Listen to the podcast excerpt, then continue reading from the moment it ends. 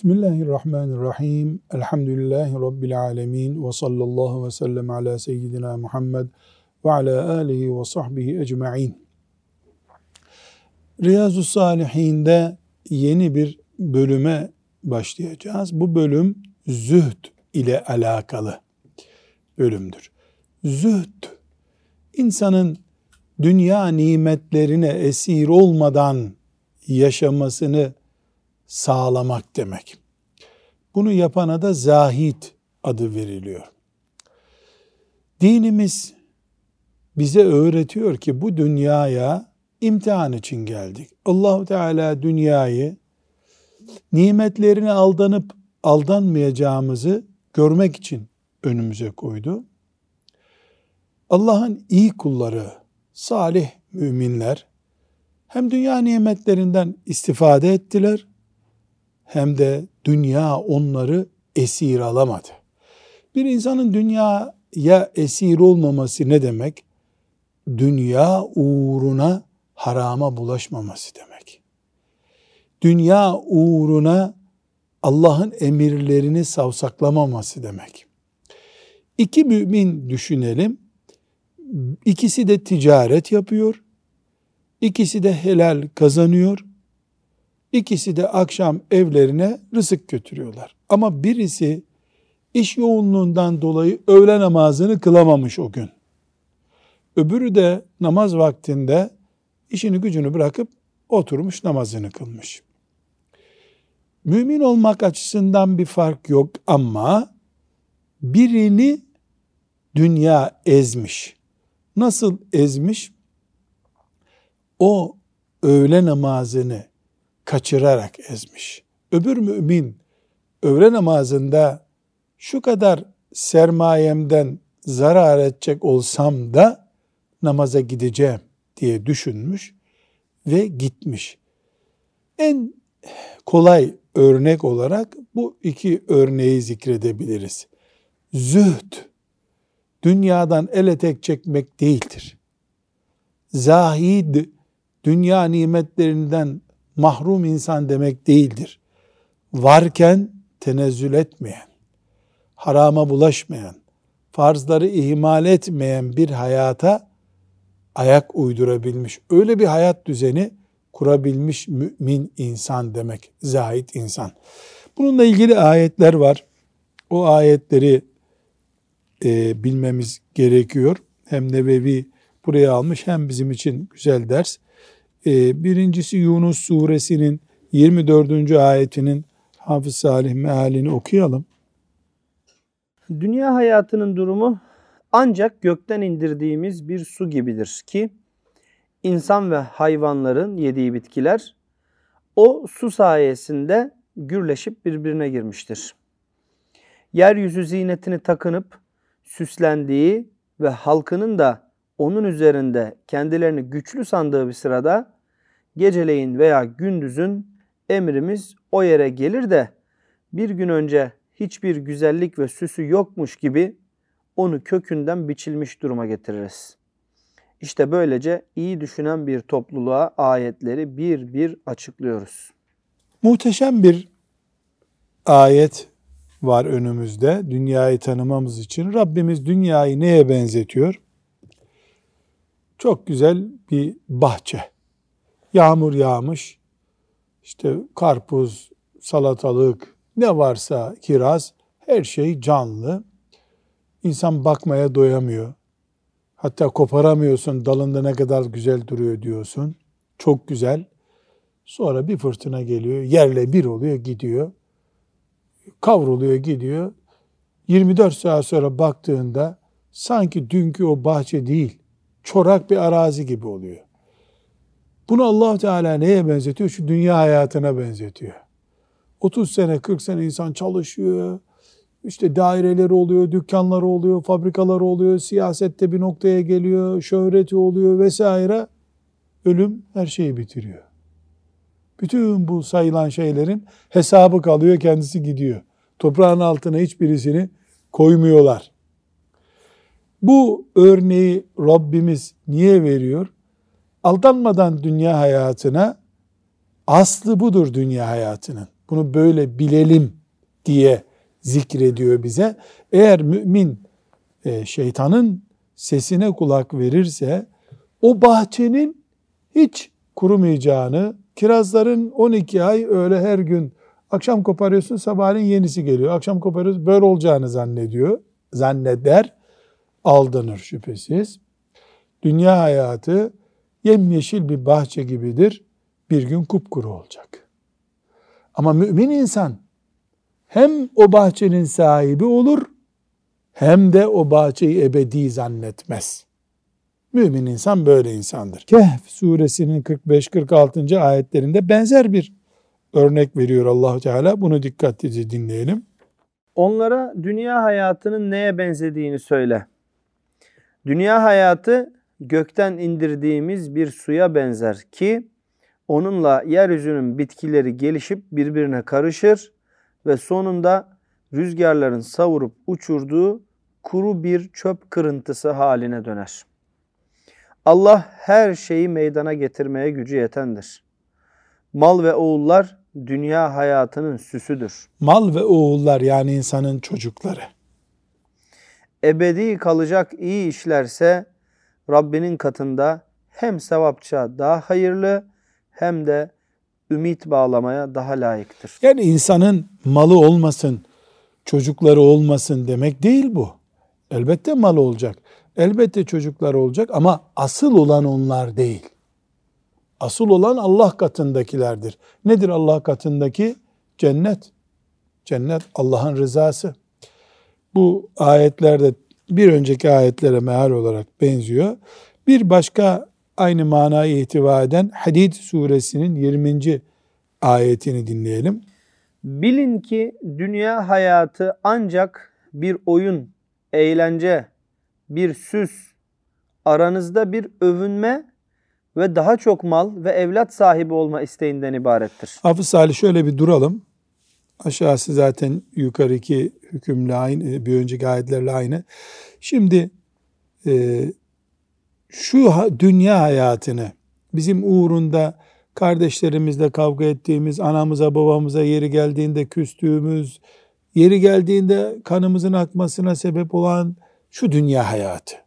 Servetiyle, e, varlığıyla, deptebesiyle, muhteşemliğiyle şu dünya hayatını yaratan Allah Celle Celaluhu ki başka biri değil. Bu dünyayı böyle yaratan Allah nasıl tarif ediyor? Bu vurgulamalara dikkat edelim. Bilin ki dünya hayatı ancak, ancak bir oyun, bir, eğlence, iki, bir süs, üç, aranızda bir övünme, dört ve daha çok mal ve evlat sahibi olma isteği. İstek, beş. Şu dünya hayatı beş şeydir. Yani senelerce uğraşıp, didinip, boğuşup, çocuğunla kavga etti, eşiyle kavga etti, kayınpederiyle kavga etti, kayınçolarıyla kavga etti, enişteleriyle boğuştu. Bütün bunlar sonunda şu beş şey. Ve fani. Bunlar da ebedi değil üstelik. Bu beş şeyi bir daha sayıyoruz. Oyun, oyundur, eğlence, eğlencedir, süs, süstür, aranızda bir övünme, övünme kaynağıdır, daha çok mal ve evlat sahibi olma isteği. Hırs, hırstır. Dünya budur. Bunun peşinde mümin gitmez. Bunlara sahip olur, peşlerinden gitmez. Yani tekrar tekrar vurguluyoruz. Zühd, zahit olmak, dünyayı yok kabul etmek değildir. Tenezzül etmemektir. Uğruna sabah namazı bırakmamaktır. Uğruna faize bulaşmamaktır. Zühd budur. Şimdi okuyalım mealimizi. Tıpkı bir yağmur gibidir ki bitirdiği ekin çiftçilerin hoşuna gider. Sonra kurur da sen onun sapsarı olduğunu görürsün. Sonra da çerçöp olur. Ahirette ise çetin bir azap vardır. Yine orada Allah'ın mağfireti ve rızası vardır. Dünya hayatı aldatıcı bir geçimlikten başka bir şey değildir. Peki şöyle bir soru gelebilir mi insanın zihnine? E, beni kim yarattı? Allah Celle Celaluhu. E, dünyayı kim yarattı? Allah Celle Celaluhu. E, dünyayı böyle yapan, beni de bu sayılan şeylere meyledecek, gönül kaptıracak şekilde yaratan da o. E insan olarak benim kabahatim ne? Fazlaya kaçırırsam biraz. Bunun cevabı nedir? Şudur. Allahu Teala bilerek dünyayı cazip, bizi de o cazibeye kanacak şekilde yarattı. Böyle istedi Allah. Tesadüfen olmadı bunlar. Yanlış bir birleşim yapmadı Allahu Teala. Böyle istedi. Neden? Çünkü Rabbim insanı imtihan etmek için yarattı. Kim daha iyi iş yapacak? Nasıl ayet? liyebluvekum eyyukum ehsenu amela. Hanginiz daha güzel iş yapacaksınız? Onu görmek istiyor Allahu Teala. E peki bu nasıl imtihan edilecek? Önümüze cazip şeyler konacak. İşte nimetler konacak. imtihanlar konacak. Zorluklar çıkarılacak. Hem Allah uykuya muhtaç yaratacak hem de sabahleyin namaza kalk uykunu böl diyecek.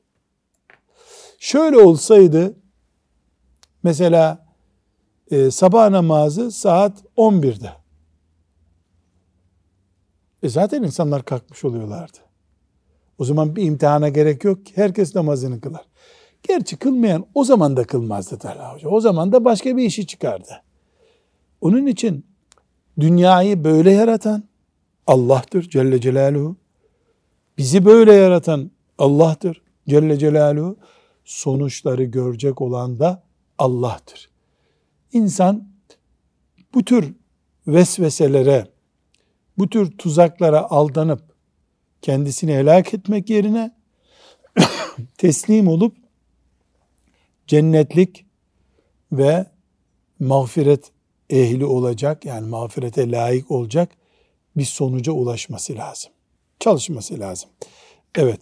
Bir sonraki ayet Ali İmran suresinin 14. ayeti. Evet onu okuyalım. Nefsani arzulara özellikle kadınlara, oğullara yığın yığın biriktirilmiş altın ve gümüşe, salma atlara, sağmal hayvanlara ve ekinlere karşı aşırı düşkünlük insanlara süslü gösterildi. İnsanlara bu süslü gösterildi. İşte bu bahsettiğimiz şey.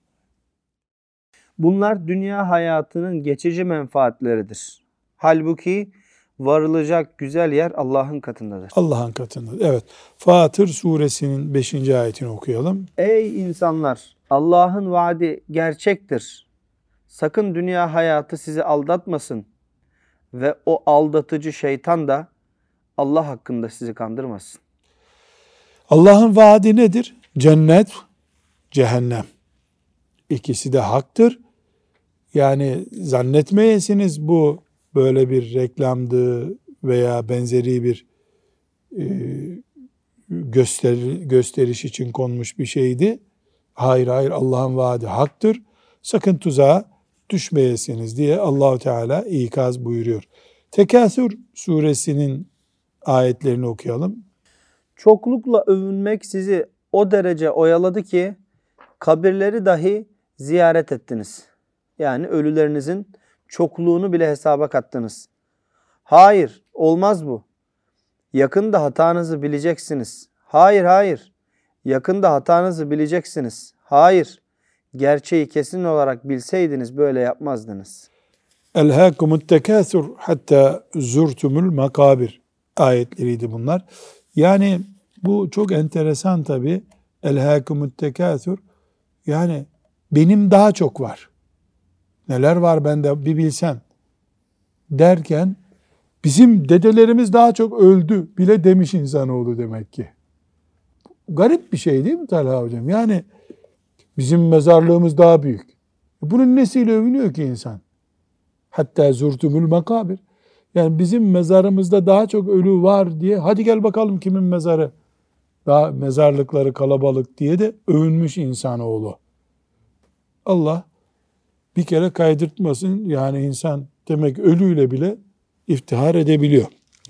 Bir ayet daha var. Ankebut suresinin 64. ayetini de dinleyelim. Bu dünya hayatı eğlence ve oyundan başka bir şey değildir. Ahiret yurdu iste işte asıl hayat odur. Keşke bilselerdi. Evet, keşke bilselerdi. Lev kanu ya'lemun, lev kanu ya'lemun. Keşke bilselerdi. Şimdi burada bir incelik var. Elbette Müslüman olarak bu ayetleri dinledik. Kim dinlese zaten 5 dakika sonra da anket yapılsa öyle mi gerçekten dünya geçici oyun ve eğlence mi? Tabi doğru. Yani ayetler çok doğru. Çünkü dünya eğer kalıcı bir şey olsaydı bana kalmazdı babamda olurdu. Onun babasında olurdu, onun babasında olurdu. Dünyanın fani olduğu, bahçesinin solduğu, ebedi olmadığı herkesin bildiği bir şey. Mühim olan bu ayetleri dinleyince evet doğru ayetler demek değil. Daha mühimi bu düşünceyle yaşayabilmek. Harama uzanmak istediği zaman nefis haramı engelleyebiliyor musun? O zaman bu ayetler etki ediyor. Rabbim lütfetsin hepimize diye dua ederiz. Şimdi 458. hadisi şerife geldik. Bu hadisi şerif Resulullah sallallahu aleyhi ve sellem Efendimizin Medine'sinden çok tatlı bir hatıra ihtiva ediyor.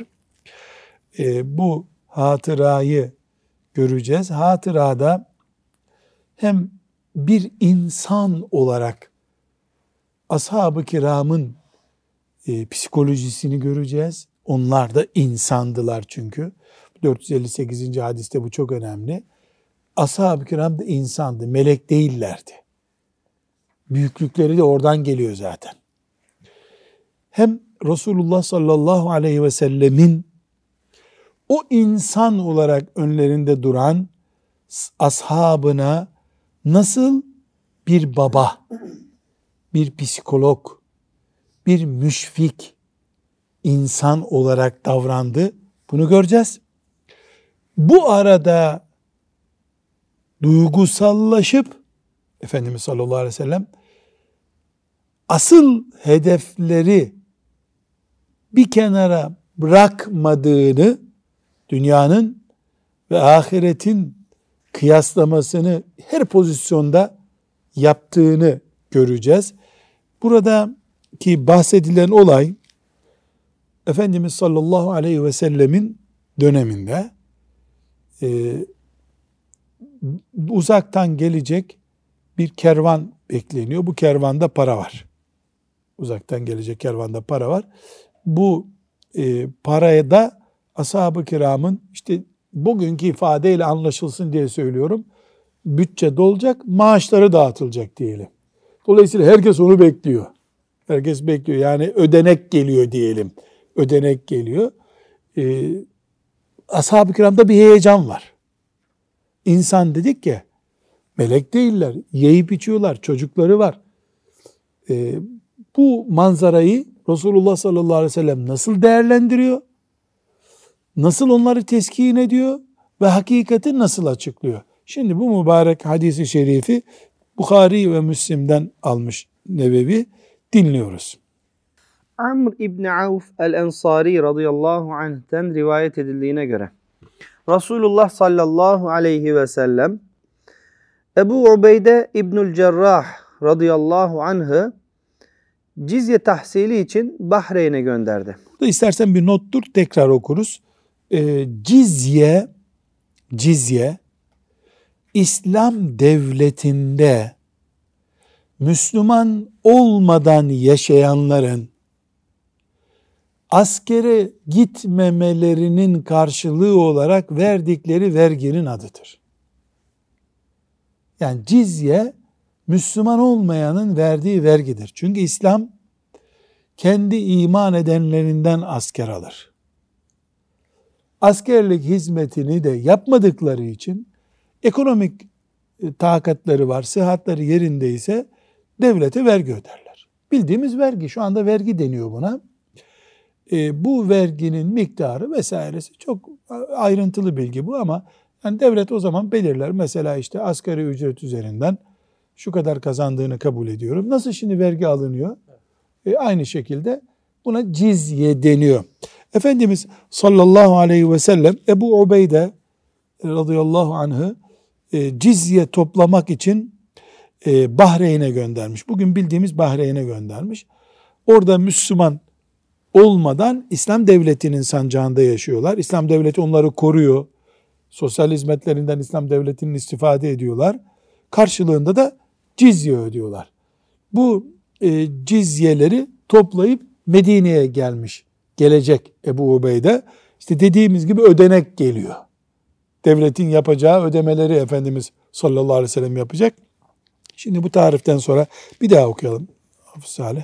Resulullah sallallahu aleyhi ve sellem Ebu Ubeyde İbnül Cerrah radıyallahu anh'ı cizye tahsili için Bahreyn'e gönderdi. Ebu Ubeyde cizye olarak topladığı malla Bahreyn'den geldi. Ensar Ensar kim? Medine'nin yerlileri.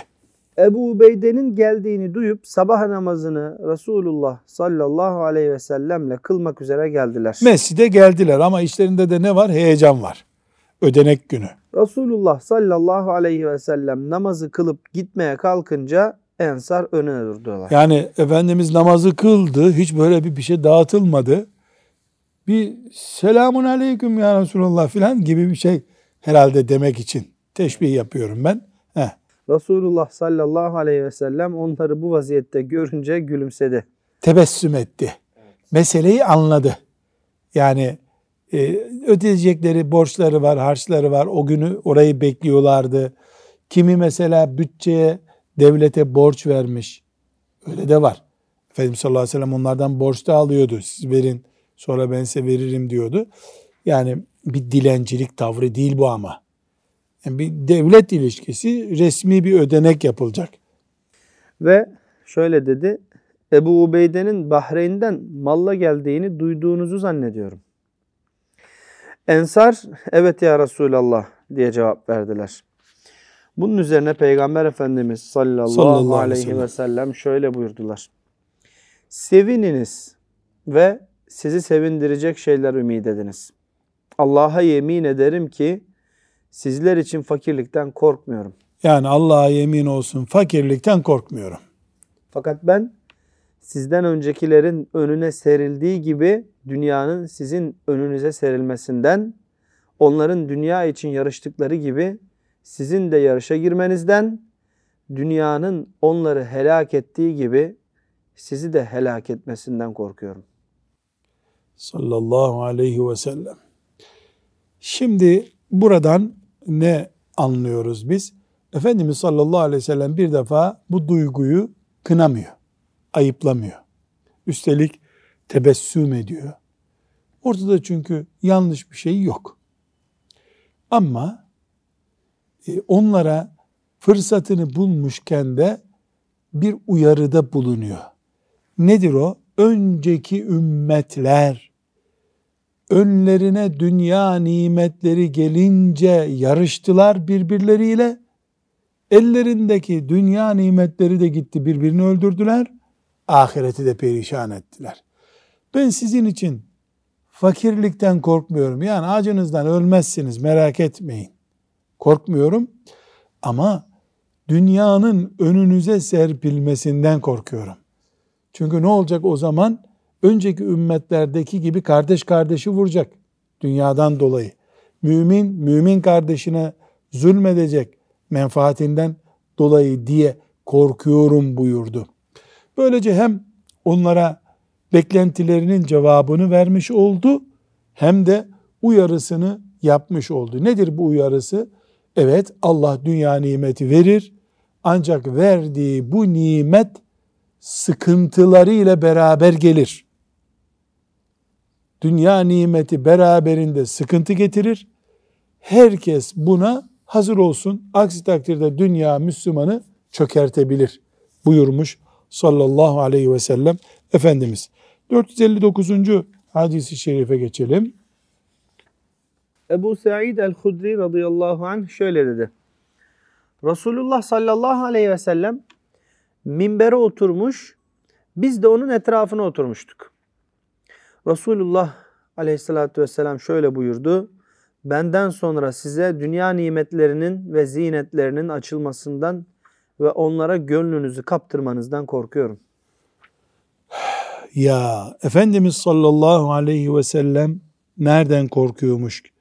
Yani ashab-ı kiram onu oturmuş dinliyorlar. O da minberinde konuşma yapıyor. Ee, şimdi e, ticareti yerinde olan, ziraati yerinde olan, siyasi bir yerde bulunan, devlette bir koltuk bulup, bir iş bulup, orada hayatını garanti zanneden e, veya işte bir sebeple dünyada işleri iyi giden bütün La ilahe illallah Muhammedur Resulullah diyen müminler şu sözü bir daha duymalıdırlar.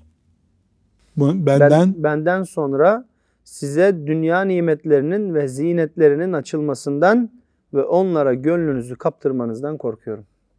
Tehlike nerede? Gönül kaptırmakta. Çünkü insan cazibeden yana meylediyor. Bu cazibe de dünyada şehvet oluyor. Cinsellik oluyor, mal şehveti, şehvet oluyor. Ve insan birkaç yıl geçtikten sonra aldanıyor değil, anında aldanıyor. Mesela bir faiz reklamı için 10 sene reklam yapmak gerekmiyor. Hiç eve ihtiyacı olmayan, kirada oturmuyor adam. Bir insana bir banka müdürü gidip 5 dakikada yeni bir dairenin daha iyi olduğunu ikna edip imza attırıp kredili borç verebilir. Nitekim bunu onlarca kere örneğini görüyoruz. Bu eve ihtiyacım var mıydı? Yoktu ama iyi olur dedik. Zinada da böyle, kumarda da böyle, sosyal ilişkilerde de böyle, müminler arasında kavgada da böyle, aile içi ilişkilerdeki huzursuzlukta da böyle. Yani dünyanın derde dönüşmesi için uzun zaman gerekmiyor. Anında etki ediyor. Anında mümin ayağa kaya, kayan birisi olabiliyor. Onun için mümin sürekli uyanık olacak. Resulullah sallallahu aleyhi ve sellem korkuyormuş bundan. Bir kere daha ne korkusu varmış Efendimizin ona bakalım Hafız Salih. Benden sonra size dünya nimetlerinin ve zinetlerinin açılmasından ve onlara gönlünüzü kaptırmanızdan korkuyorum. Yani biz gönül kaptırmak deyince delikanlı genç kıza gönlünü kaptırdı. Hemen orası akla geliyor değil mi Salih? Apartmana da gönül kapılıyor. Apartman da gönül çeliyor. Bahçede gönül çeliyor. Dünyanın nesi varsa gönül çelicidir o. Dolayısıyla sadece genç kızla genç erkek bir araya gelince bir gönül kayması olur diye bir tehlike tek başına bu değil. Yani biz mesela dostlarımızı ziyarete gittiğimizde bir yemyeşil vadiye bakarken ne diyoruz? Salih oh be ne güzel ya burada Riyaz Salih'in dersi yapalım diyoruz. Gönlümüzü çekiyor. Yani bahçesi mesela derelere e sizin İnegöl'e gittiğimizde oradaki köylerdeki dereler dikkatimizi çekiyor değil mi? Ne güzel akıyor burada diyoruz. İnsan geri dönmek istemiyor. Yani dünya olduğu gibi e, çeker. Mıknatıs gibi çekiyor kendine. Ne yapıyorsun sen? Dünyaya ters kutbundan yanaştığın için çekemiyor seni. Hani mıknatısın ters köşesi var ya e, bunu yapabildiğimiz zaman Allahu Teala'nın razı olduğu müminler olarak yaşıyoruz. Gördüğümüz her şeye takılıp kalırsak bu sefer de e, Allah muhafaza buyursun cenneti kaybediyoruz. Bir sonraki hadis-i şerifi okuyalım. Ebu Sa'id el-Hudri radıyallahu anh'den rivayet edildiğine göre Resulullah sallallahu, sallallahu aleyhi, ve sellem aleyhi ve sellem şöyle buyurdu. Dünya tatlıdır ve manzarası hoştur. Şüphesiz ki Allah dünyanın idaresini size verecek ve nasıl davranacağınıza, ne gibi işler yapacağınıza bakacaktır. O halde dünyadan sakının ve kadınlardan korunun. Demek ki Efendimiz sallallahu aleyhi ve sellem peygamber olarak bir kere daha uyardı. Dünyaya dikkat edin. Niye? Dünya imtihan yeri çünkü. Burada dikkat etmeyeceksin de ne yapacaksın? Piste çıktın ve imtihan oluyorsun. Dünyada da en cazip konu dünyanın kendisidir. Nedir dünyanın kendisi? Para, tarla, apartman, dükkan, koltuk ne varsa ve kadındır. Kadın ne demek? Yani cinsel olarak meylettiğin şey demek. Kadının penceresinden bakınca bu hadis nasıl okunur? Erkektir. Onun da çünkü erkeğe meyletme şeyi var. Haram ölçüler söz konusu olduğunda. Bu hadis-i şerif 71. hadiste geçmişti. Bir kere daha şerhine dönmeyelim. Ee, 461. hadisi şerife geçelim. Enes radıyallahu anh'den rivayet edildiğine göre Nebi sallallahu aleyhi ve sellem şöyle buyurdu. Allah'ım gerçek hayat sadece ahiret hayatıdır. Bir daha. Allah'ım gerçek hayat sadece ahiret hayatıdır. Bir daha. Allah'ım gerçek hayat sadece ahiret hayatıdır. Allahümme la ayşe illa ayşel ahiret. Bir satır bile değil. Efendimiz sallallahu aleyhi ve sellem bir, içindeki duyguları itiraf ediyor. Onun içinde ne var? Hayat olarak ahireti anlıyormuş. İki, dua ediyor. Allah'ım ben senden ahireti istiyorum demek istiyor. Üç, bizi yönlendiriyor. Ahirete doğru koşun. Dört, dünyanın orijinalini gösteriyor. Bütünü dört kelimelik bir söz söylüyor ama cümlenin başlangıcı, bitişi ve paragraf başı vesairesi olmadığı halde hayat profili çiziyor. Allahümme la ayşe illa ayşel ahiret. Allah'ım ahiret hayatından başka hayat yoktur. Gerçek hayat ahiret hayatıdır. Elbette tabi yani e, ahireti kazanabildi isen yoksa cehennemde de hayat var ve hiç iyi bir hayat değil. Evet. Bir sonraki 462. hadisi şerife geçelim.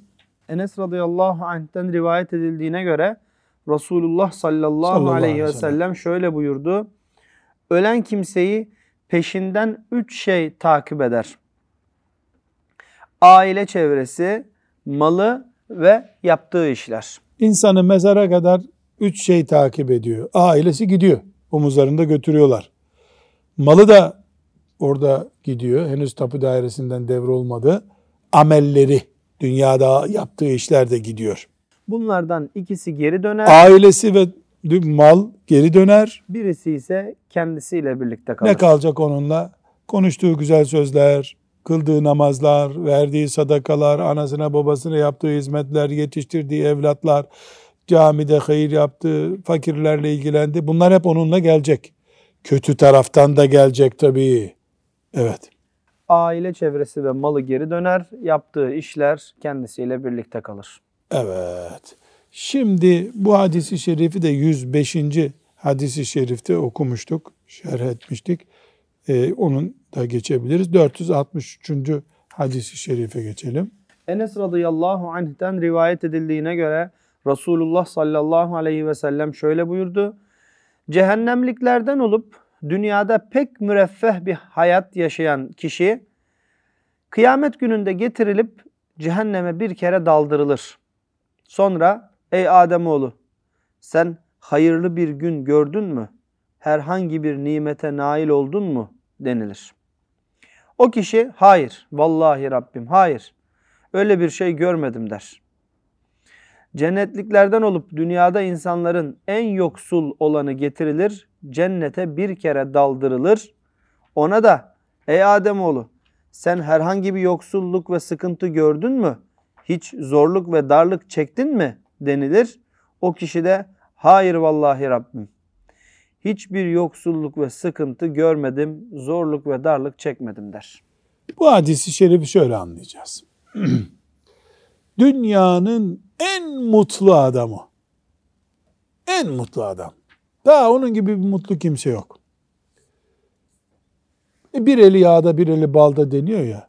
Kıyamet günü bir an cehenneme konulup çıkarıldığında hiç mutlu yaşadın mı sen deyince ne diyecek? Mutluluk nedir ben bir şey görmedim diyecek. Neden? Cehennem bütün mutluluklarını yerle bir edecek. Hatıraları bile kaybolacak o mutlulukların. Villalar, köşkler, dereler, nehirler, paralar, faizler, forslar, koltuklar hepsi birden helak olacak. Başka bir taraftan da dünyası zindan olmuş bir mümin. Zindan ama. Hiçbir gün yüzü gülmemiş. Kazada filanca ölmüş, zindana girmiş, hastanelerde çürümüş, kendisi de kanserden ölmüş. Artık bunun dünyası kararmış, bırak kararmayı, zift olmuş denecek birisi cennete bir konup çıkarıldığında be insanoğlu sıkıntı çekmiş miydin sen dünyada dendiğinde ne diyecek? Hiç ben öyle bir şey hatırlamıyorum denecek. Cennette ne yapacak? Bütün acıları sıfırlayacak, unutacak. Cennet ve cehennemin ne kadar büyük bir geçmişi silme gücü olduğunu görüyoruz. Bunu da kimden öğreniyoruz? Resulullah sallallahu aleyhi ve sellem'den. Biz ahiretle ilgili bilgileri ya Kur'an'dan öğreniriz ya Peygamberimizden sallallahu aleyhi ve sellem öğreniriz. Alimler filan bu konuda bir şey bilemezler. Bu bize neyi öğretiyor? O zaman cennet bütün acıların sıfırlandığı bir yer. Cehennem bütün mutlulukların sıfırlandığı bir yer. Değil o anda hissetmek, geçmişi bile ne yapıyorlar? Sıfırlıyorlar. Mümin bunu düşünerek yaşar. Ah bir düşünebilse kafir de o da bu rahatlığa erse. Bu hadisi şerif bize ne öğretiyor? Mümin misin? Elhamdülillah de acılara ve mutluluklara böyle bak. Kafirin yaşadığı şeyler unutacağı şeylerdir. Allah ona istidraç yapıyor. Ne demek istidraç yapıyor? Veriyor, veriyor, veriyor bu dünyada. Gözü kör oluyor. Ahirette isteyecek bir şeyi kalmıyor bir kenara. Bir de ahirete doğru yuvarlandığını anlayamıyor adam nimet bolluğundan dolayı. Elhamdülillah. Bu e, allah Teala'nın bir lütfu tabi. Böyle düşünebilmek de bir lütuf. Bir sonraki hadisi şerife 464. hadis-i şerife geçelim. Müstevrit İbn Şeddat radıyallahu anh'ten rivayet edildiğine göre Resulullah sallallahu aleyhi ve sellem şöyle buyurdu. Ahirete göre dünya sizden birinizin parmağını denize daldırmasına benzer. O kişi parmağının ne kadarcık bir suyla döndüğüne baksın.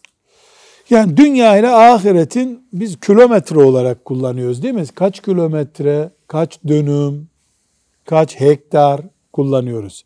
İşte senin şu kadar dönüm, benim bu kadar dönüm diyoruz. Ya dünya ne kadar, ahiret ne kadar? Ağırlık olarak mesela ölçelim. Efendimiz sallallahu aleyhi ve sellem neye örnek veriyor burada? Parmağını denize daldır diyor. Parmağını böyle daldırdın. Çıkardın.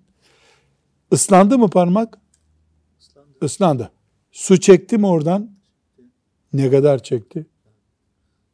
Yok denecek kadar. Belki Ama bunun yani. bir gramajı var. Değil mi? İlla ki yani çok hassas bir terazi tartamaz mı bunu?